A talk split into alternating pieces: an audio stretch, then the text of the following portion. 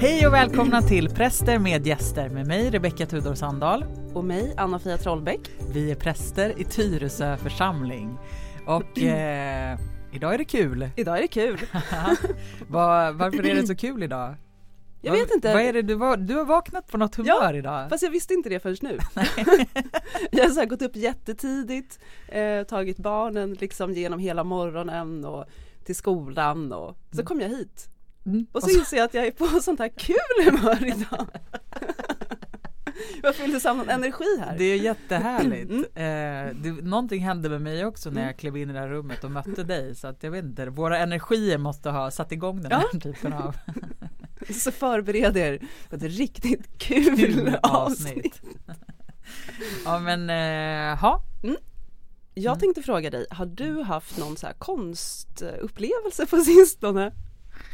Nej Anna-Fia, jag så, jävla taskigt att ställa en sån fråga. Bara, bara liksom, konstupplevelse, vem är jag? Du vet ju vem jag är.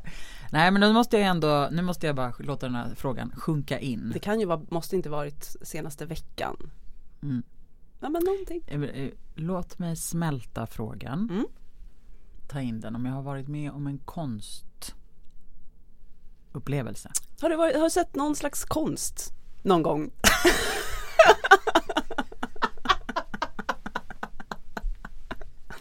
jag, jag har ju sett konst, det har jag ju gjort.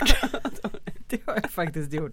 Eh, ja men eh, jag får ju såna prestationsångest. Ja, när var du senast då? Du behöver inte säga datum men alltså vad såg du senast?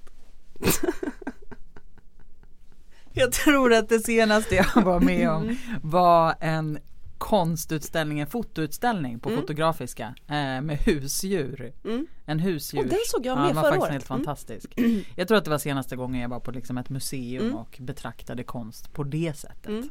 Mm. Det är konstrundan just nu i Tyresö. Ja det är det faktiskt. Och vi har en utställning i kyrkorummet. Så att jag har faktiskt också betraktat vacker konst i Bollmoradalens kyrka. Ja det har du faktiskt. Senast. Senast igår. Okej, nej men jag har ju en grej va? Ja. ja, det var exakt, varför ha ens den här liksom uppförsbacken där jag ska liksom krysta fram, Förlåt. pressas in i ett hörn och säga något liksom banalt om, nej, nej, nej. Som, som verkligen inte blev någonting än att jag har sett husdjur på Fotografiska. Mm. Men du har någonting att berätta. Varför började vi inte bara där? För att ta den här omvägen. jag tänkte att det skulle vara så demokratiskt. Ja, ja, ja, ja Nej men okej, jag ska inte göra sådana Nej, aldrig. Nej men för en vecka sedan så var jag på Moderna Museet med min dotter och mm. såg um, de ställer ju ut Hilma, Hilma av Klint, Klint. Mm. alltså tio mm. av hennes målningar eh, som heter De tio högsta. Mm. Eh, och de är ju, är ju gigantiska. Mm. Det är tio målningar som eh, Hilma af Klint är för övrigt väldigt populär just nu. Ja den är mycket, ja precis. Ska jag komma dit? Ska Aha, komma dit? Ska komma mm. dit? Mm. Eh, har en liten transportsträcka bara. Eh, nej men de här tio högsta de speglar ju på något vis ehm, eh, en slags mänsklig utveckling. Eh, de olika målningarna har att göra med olika människans olika åldrar. Eh, och de här åldrarna är då avspeglade i olika symboler och färg och, och så. Men i alla fall så det var väldigt fint att få gå och se den här med min dotter. Eh, för att hon har, jag har läst en bok för henne, en bild, det finns en bilderbok om Hilma af Klint som mm. heter Kartor över osynligheten. Mm. Och som hon, jag hade verkligen Vilken vacker titel. Det är en jättevacker mm. titel. Mm. Men hon har verkligen tyckt om den här boken jättemycket. Jag hade ingen förväntan om, tänkte så här, hon kanske kommer tycka att den är tråkig. Men hon har verkligen så här, hon så fastnat för den. Vi har läst den mycket. Så det kändes fint att få ta med henne dit och så få liksom så här ser Hilma ut på riktigt. Mm. Eh, men då som du sa eh, så är ju Hilma av Klint väldigt mycket i ropet just nu. För det finns ju också en film om henne. Eh, som Lasse Hellström har gjort tillsammans med sin fru Lena Olin och sin dotter då, deras dotter Tora Hellström. Um, och jag hörde en intervju med de tre i P1 Morgon här för några veckor sedan när filmen skulle ha premiär. Och först så tänkte jag så här, jag vet inte om du kan känna så kring vissa saker, för jag kan göra det och det gjorde jag med det här. Att när det är någonting som betyder väldigt mycket för en själv, som mm. så här, det här liksom upptäckte jag när jag var så här i den här åldern och jag kände så här, det här var en grej, det här så blev mitt. Mm. Och sen så känd, kan det kännas nästan som att det så exploateras. Så bara ska det göras film och det ska babblas och alla ska bara mm. tycka att det är så helt Just det, plötsligt är det så här Hilma och Klint eh, kommersiell. Ja, mm. exakt. Um, och det där liksom, jag kan verkligen känna så, så här, kände så instinktivt först bara men gud låt henne vara. Mm. Rör inte min kompis. Nej men verkligen. Och bara kan man inte bara få ha någonting liksom för sig själv. Mm. Fast jag menar inte riktigt så men det är någon sån där mm. känsla. Så först tänkte jag så här, nej. Äh, men gud vad är detta liksom, sluta. Och var jätteneggig. Mm. mm. Lyssnade vidare i intervjun. Och det var här jag började tycka så här, nej men det här är ändå lite kul ändå. Mm. För att då visade det sig ju att eh, de har gjort den här filmen liksom tillsammans och de har så levt då med så Hilma under hela den här liksom tiden som de har gjort den här filmen. Och de har ju till och med varit i kontakt med ett medium mm. och liksom pratat ja, med Hilma. Och det var här som jag började så här, men vad fan har de, förlåt, vad har de gjort där i typ så spacigt? Jag vet, jag vet, jag vet. Um, och Lasse Hellström han berättar ju att han har ju verkligen, jag vet inte om han liksom skulle kallat sig för ateist innan, men han har i alla fall inte varit typ troende på något sätt eller haft någon sån här, eh, men i alla fall typ inte så här andligt intresserad eller i alla fall inte haft någon sån andlig mm. grej liksom. Mm. Um, men, hans, men det här har ju då fått honom att liksom, han har typ blivit omvänd mm. och i stort sett, ja men som frälst. Wow. Um, och han berättar då om det här med liksom stor inlevelse och eh, bara kan liksom inte sluta prata om hur viktigt det här har blivit för honom. Att han liksom har verkligen blivit upp, han har liksom vaknat upp och han ser världen på ett helt nytt sätt och mm. verkligheten och allting. Eh, och sen så säger Lena Olin efter en liten stund så här, hon bara ja men jag har typ alltid känt att jag har haft liksom, alltså som att så här, men jag har haft en andlig jag har haft liksom en andlighet och kanske någon slags tro eller liksom, ja så. Mm. Men, men det har jag alltid haft. Eh, och jag behöver inte prata om den och jag typ vill inte det. Men Lasse vill prata om det här jätte, jättemycket. så här, hela tiden vill han prata om det med alla typ. Um, och just liksom dels det att han liksom satt där i P1 och var helt frälst. Mm. Uh, och bara kunde inte sluta prata om det här, den här kontakten och uh, att få ha kontakt med Hilma och vad det har betytt för honom mm. och så. Um, och att överhuvudtaget ens säga att man har haft kontakt med ett medium. Ja. I Sverige. Ja, det är underbart. Egentligen är det ju liksom, jag tänker eh, nu var det länge sedan vi bjöd in en gäst på det sättet. Vi har ju mm. haft berättelser som liksom tema den här säsongen men tidigare så har vi ju, så har vi ju alltid när vi har bjudit in en gäst så har vi satt, sagt att vi har satt oss i förbindelse med den gästen. Precis. Till exempel Hilma av Klint. Mm. Alltså vi är ju typ medium. Mm. Alltså. Alltså. alltså Lasse du kan bara ringa. Exakt.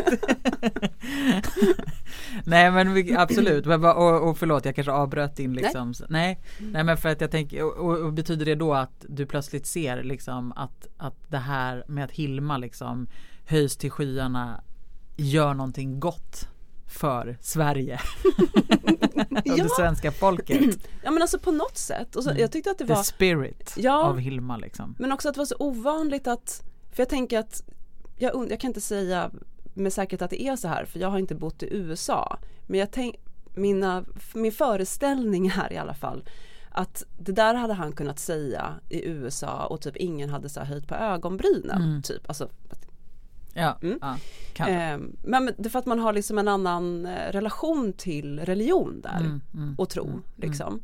Eh, men här är ju tron och religion verkligen så mycket en privatsak och det är ju mm. någonting som som ju är för många svårt att prata om och har ju, vi har ju knappt ens ett språk för det.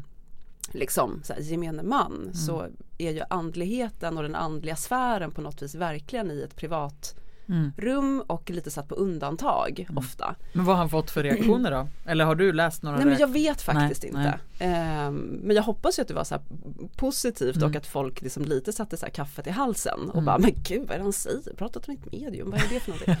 ja. uh, jätteflummigt och spacigt liksom. Ja. Vi behöver mer sånt här mm. liksom i vårt liksom land. Um, Därför att det finns ju en sån andlig Alltså vi är ju andliga varelser. Mm, absolut. Um, och nu ska inte jag säga så här, åh människor så här, törstar efter andlighet, för det vet inte jag någonting om. Mm. Men jag tror att vi har, alltså att vi alla människor bär på en andlig längtan. Mm. Sånt som vi inte kan sätta ord på mm. men det drabbar oss i vårt inre. Mm. Alltså de här, tänker alla de här planscherna ja, ja, visst, av hennes visst, målningar. Jag menar jag har ju det hemma och på kontoret och. Um, Absolut, vad var titeln nu igen då på, det, på barnboken? Eh, den heter Kartor över osynligheten. Mm. mm. Och, och, det är fint alltså. Mm. Mm. Men du har inte sett filmen ännu eller? Nej jag har inte det. Jag, men jag vill det. För mm. först tänkte jag att jag tänker inte se den här filmen. Absolut inte. Och sen när intervjun var slut, jag bara jag, jag måste se jag den. måste se trailern i alla fall. och så blev jag väldigt hänryckt och bara jo jag vill gå och se den här filmen. ja men jag vill också se den. Vi mm. kanske kan se den tillsammans.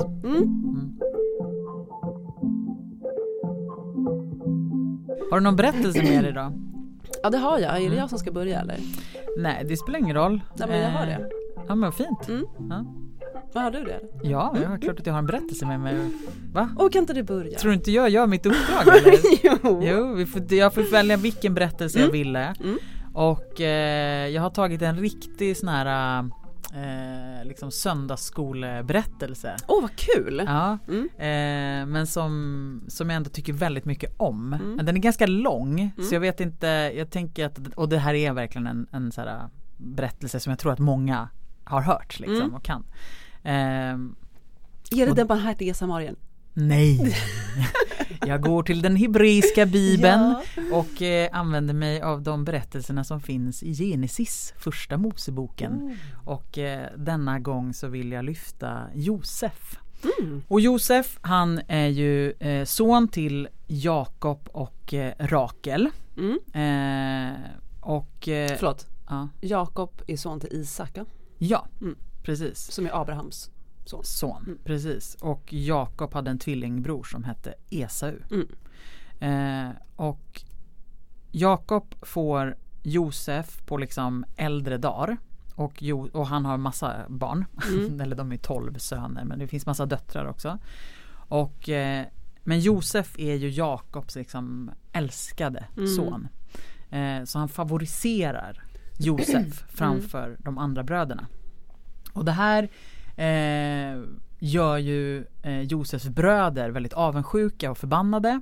Och dessutom är det så här att Josef han, han, han drömmer massa saker som som, och som han gärna vill berätta om för sina bröder om hur liksom månar och solar och allt ska så här, uh, buga sig för, alltså så att tolkningen blir helt enkelt att det är hans bröder som ska buga sig för honom. Ja. Mm. Och de säger det till honom att så här, va, vad menar du, ska, vi, ska du bli kung över oss eller? Typ. Mm. Och, de blir fed up och, eh, eh, och vill till slut göra sig av med Josef. Mm.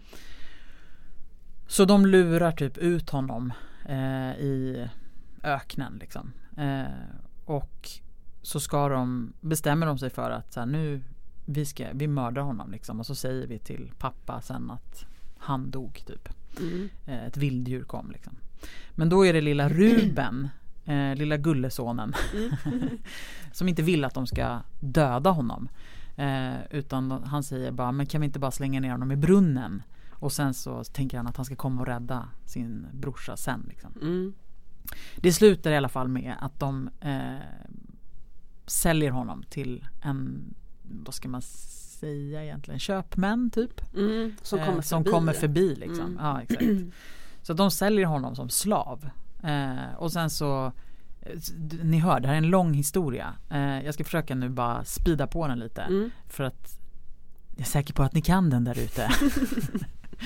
eh, men det slutar i alla fall med att Josef hamnar i Egypten, blir slav, eh, blir anklagad, falskt anklagad av hans slavägare eller bonde.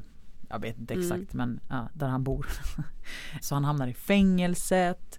Men eh, i fängelset så fortsätter han att eh, liksom eh, Han blir beskyddad av Gud hela tiden liksom och Sen har farao som ju är liksom kejsaren eh, Får massa läskiga drömmar eh, som Josef sen har visat sig vara en sån fantastisk drömtydare. Mm. För han har ju liksom ända från barnsben haft de här drömmarna och varit mm. bra på att tyda drömmar. Så han får sen hjälpa farao att tyda de här drömmarna som handlar om att det ska komma först sju svåra år och sen sju goda år. Och då mm. blir ju liksom det här heta tipset från Josef till farao att se till nu och samla i lador under de här goda åren så att mm. ni har liksom ett överflöd så att ni sen under de sju svåra åren kan leva på det. Eh, och det blir ju ett tummen upp.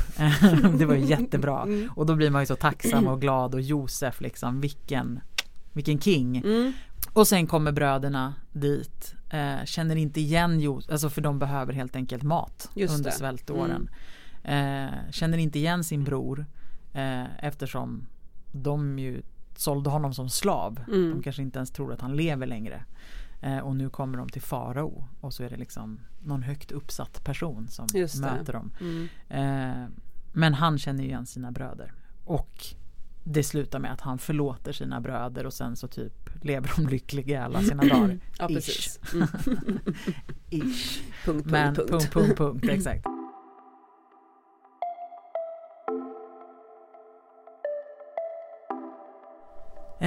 Ja, men jag tycker om den här berättelsen mm. eh, på lite olika sätt. Alltså jag eh, har nog fascinerats av den eh, både utifrån den här liksom eh, Alltså hur Jakob, han favoriserar ju Josef jättemycket mm. bland sina övriga söner och döttrar.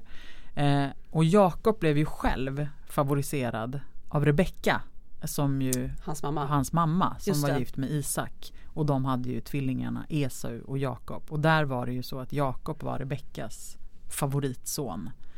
Eh, nu har ju inte jag jättemånga barn. Men jag har två barn. Mm. Det är ganska stor åldersskillnad mellan dem. Ja. Så jag har ju verkligen hunnit få en relation till min sjuåring. Mm. Och till den lilla nyfödda liksom har jag ju förstås en, en, liksom en själslig och hjärtlig relation mm. men jag har inte lärt känna honom. Jag vet inte riktigt vem han är ännu, liksom, hela han. Um, men så, och så tänker jag på, är det, så här, är det förbjudet att känna olika saker för sina barn? Kan man, alltså Nej men jag tror att det är oundvikligt. Ja. Faktiskt. Mm. Att, känna, att man känner olika inför sina barn. Ja. Eftersom att de ju också är olika. Exakt. Liksom, alltså, så. Ja.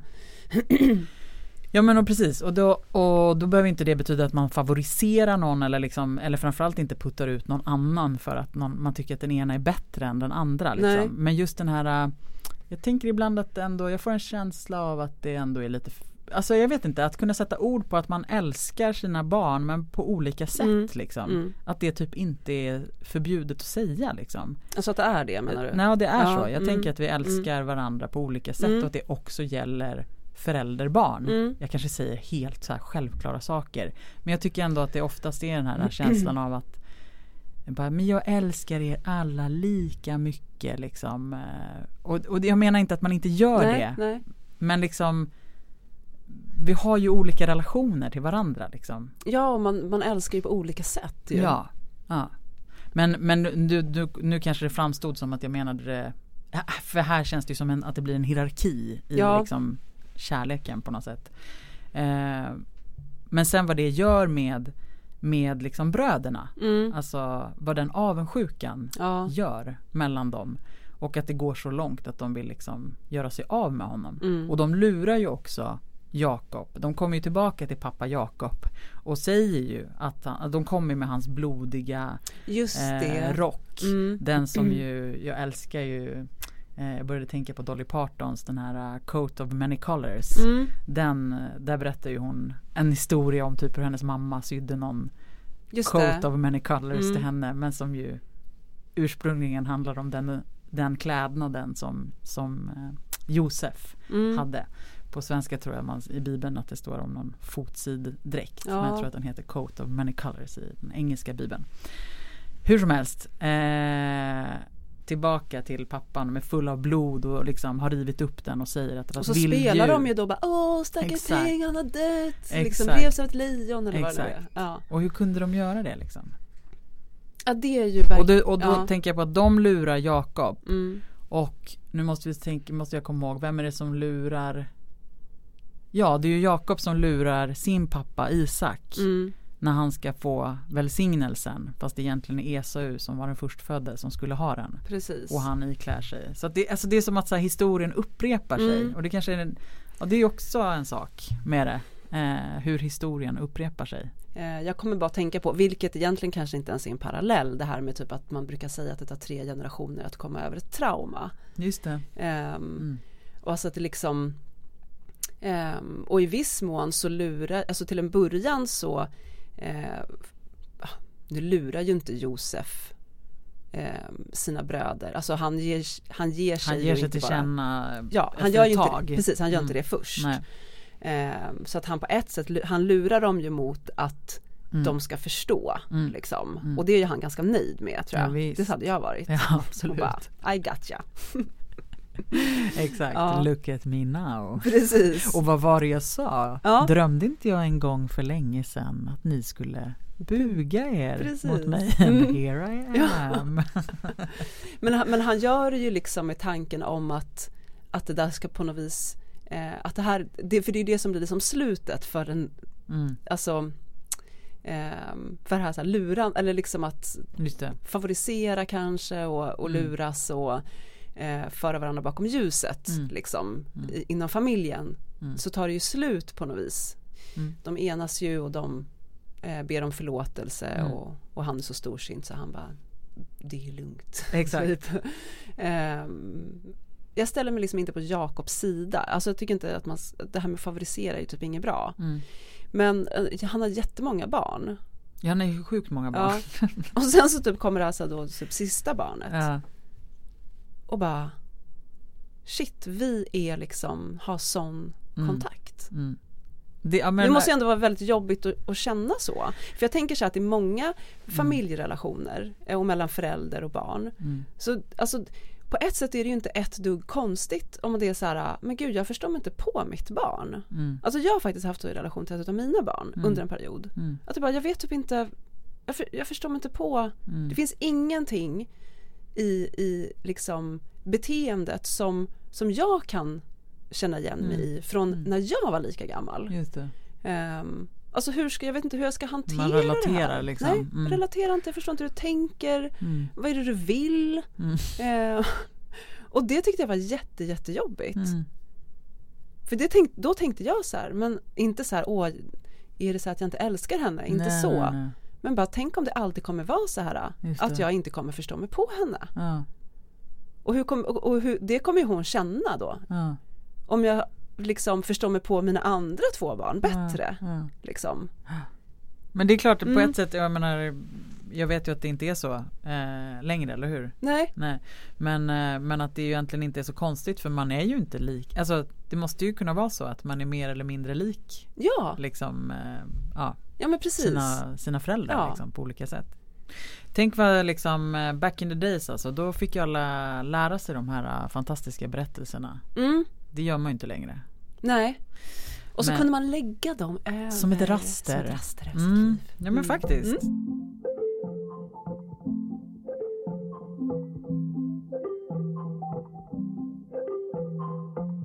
Vad hade du för berättelse med dig? Åh oh, gud, det hade jag nästan glömt bort. Um, jag har haft två berättelser, uh, eller de berättelserna jag har valt hittills mm. har ju varit från den hebreiska bibeln. Mm. Uh, men idag tänkte jag att jag skulle ta en från uh, Nya Testamentet. Mm -hmm, -hmm.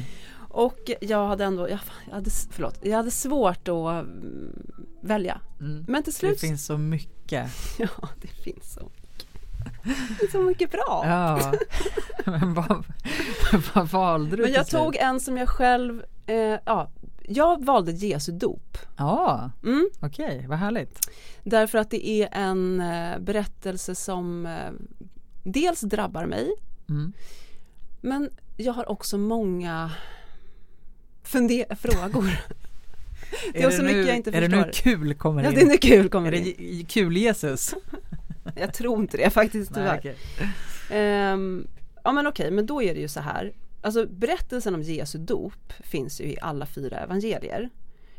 Um, de bär många likheter. De har likheter med varandra men de skiljer sig också åt på lite olika sätt.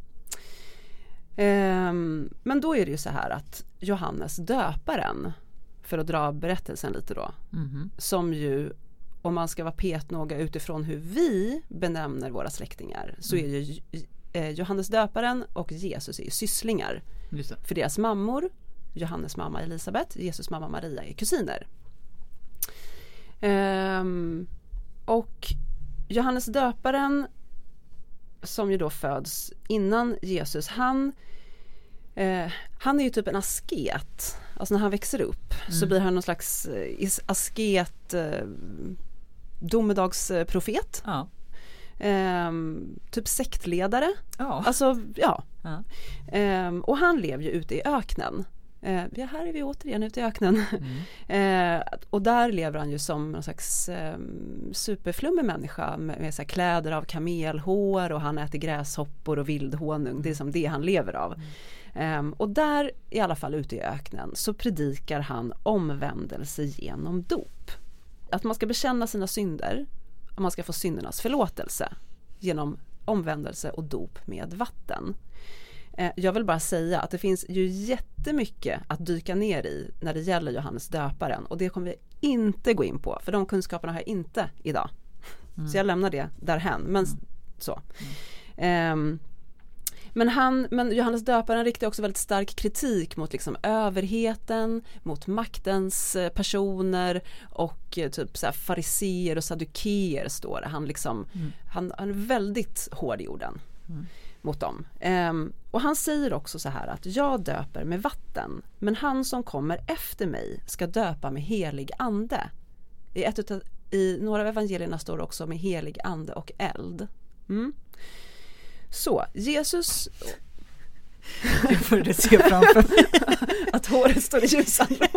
Att vi i Svenska kyrkan efter det här har tolkat det här liksom som att vi skulle döpa med eld istället för vatten. Hur jäkla annorlunda det skulle kunna bli med en dopceremoni. Tänder en tändsticka, sätter på håret lite lätt bara. Liksom, blåsa ut snabbt. Makabert. ja, väldigt. Um. Ja, men, och, och sen så kommer ju Jesus dit till Johannes. Han går ut till Johannesöknen mm. och han blir döpt. Um, och sen så går han upp ur vattnet. Det här är i Jordanfloden. Um, och sen står det då att himlen öppnar sig och att Guds ande sänker sig över honom som en duva. I form av en duva. Och så hör han en röst som säger Du är min älskade son, du är min utvalde. Det är det. That's, liksom. it. That's, it. That's Det är det som sker. För mig är det så att den där scenen när, alltså att Jesus kommer upp ur vattnet och sen är det som att um, tiden fryser. Mm. Och så öppnar sig himlen och så kommer den här duvan. Mm. Alltså jag kan som se den så flaxa väldigt tydligt. Och så den här rösten. Som hur, säger, hur låter den? Rösten? Ja. Jag tror att den är ganska dov. Mm. Ja. Jag vet inte varför.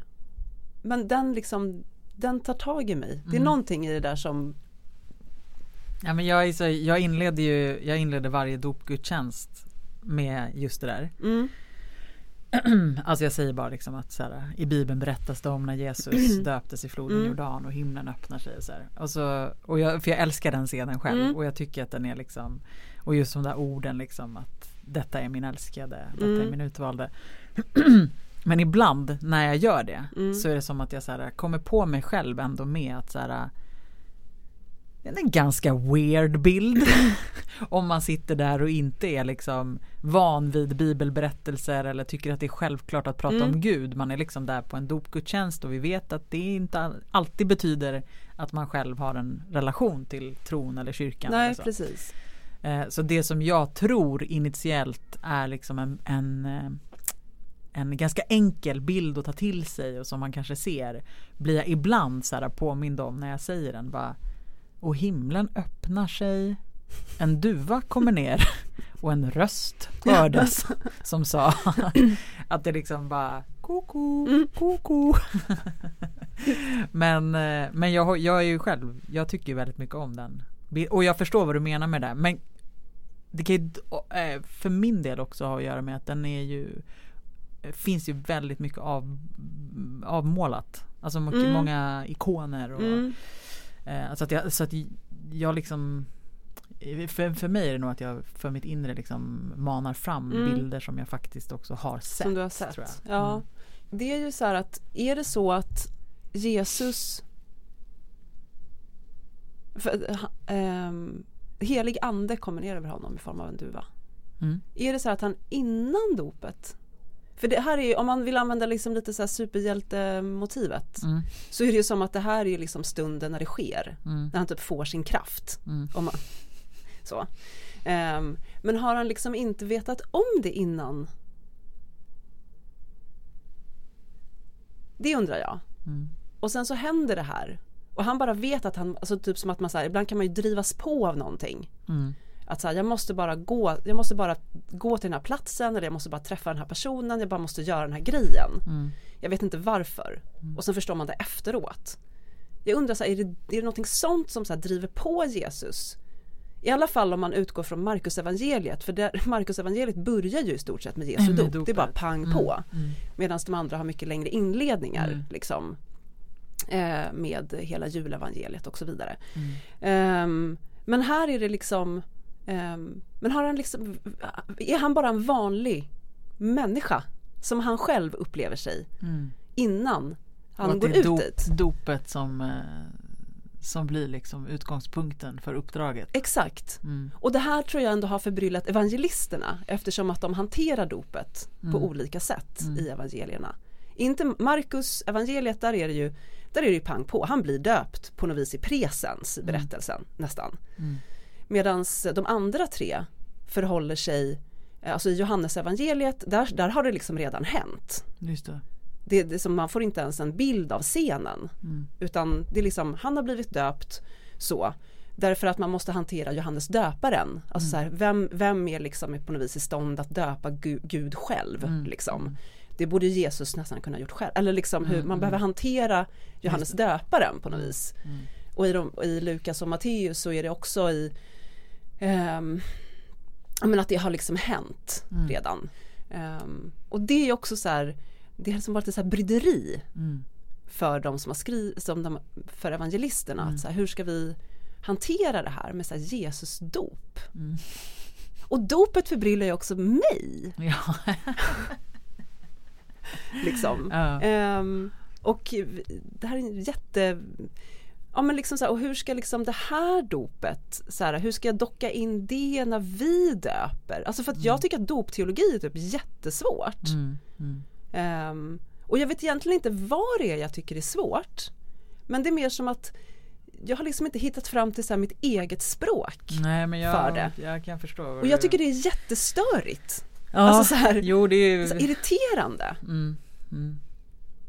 Och jag vill skriva så ett nytt doptal. För nu har jag haft ett doptal länge. Mm. Jag tycker och det är. Du inte, Nej. Du inte, har du ett doptal som du inte längre riktigt tror på eller som du inte känner har eller som är jag liksom... tror på det absolut. Ja. Det gör jag. Ja. Men att jag vill variera mig lite. Um, behöver liksom lite ny input. Mm. Mm. Men jag tycker så uh, Jag tycker det är jättesvårt och så känner jag mig så här ah, men gud det kan man ju inte hålla på och tycka att det är svårt som präst typ. Mm. Alltså jag får lite sådana. Mm. Och jag hör hur, okej okay, men berätta för mig så här, hur tänker du så här? Och så hör man andras tankar. Bara, ja, okej okay, vad bra. Men det är inte mi, alltså det är Nej som att jag inte... vet, det måste landa i ja. en själv. Nej men jag håller med, jag tycker också att det här är liksom att dopteologi är bland det svåraste. Eh, och, och det är Jag tycker att jag Jag vet inte, nu kanske jag säger någonting dumt, jag vet inte men Eftersom det är på något sätt våran, vad ska man säga eh, ingångsrit mm. eh, liksom till tron mm. eller till kyrkans gemenskap eller så. Och att en övervägande majoritet av de vi möter döper av tradition. Mm. Och så här, behöver inte ha någon åsikt om det. Eh, men det är ändå så mm. att så här, de flesta som döper sina barn inte nödvändigtvis själva är aktiva i kyrkan. Kanske inte ens planerar att bli aktiva i kyrkan.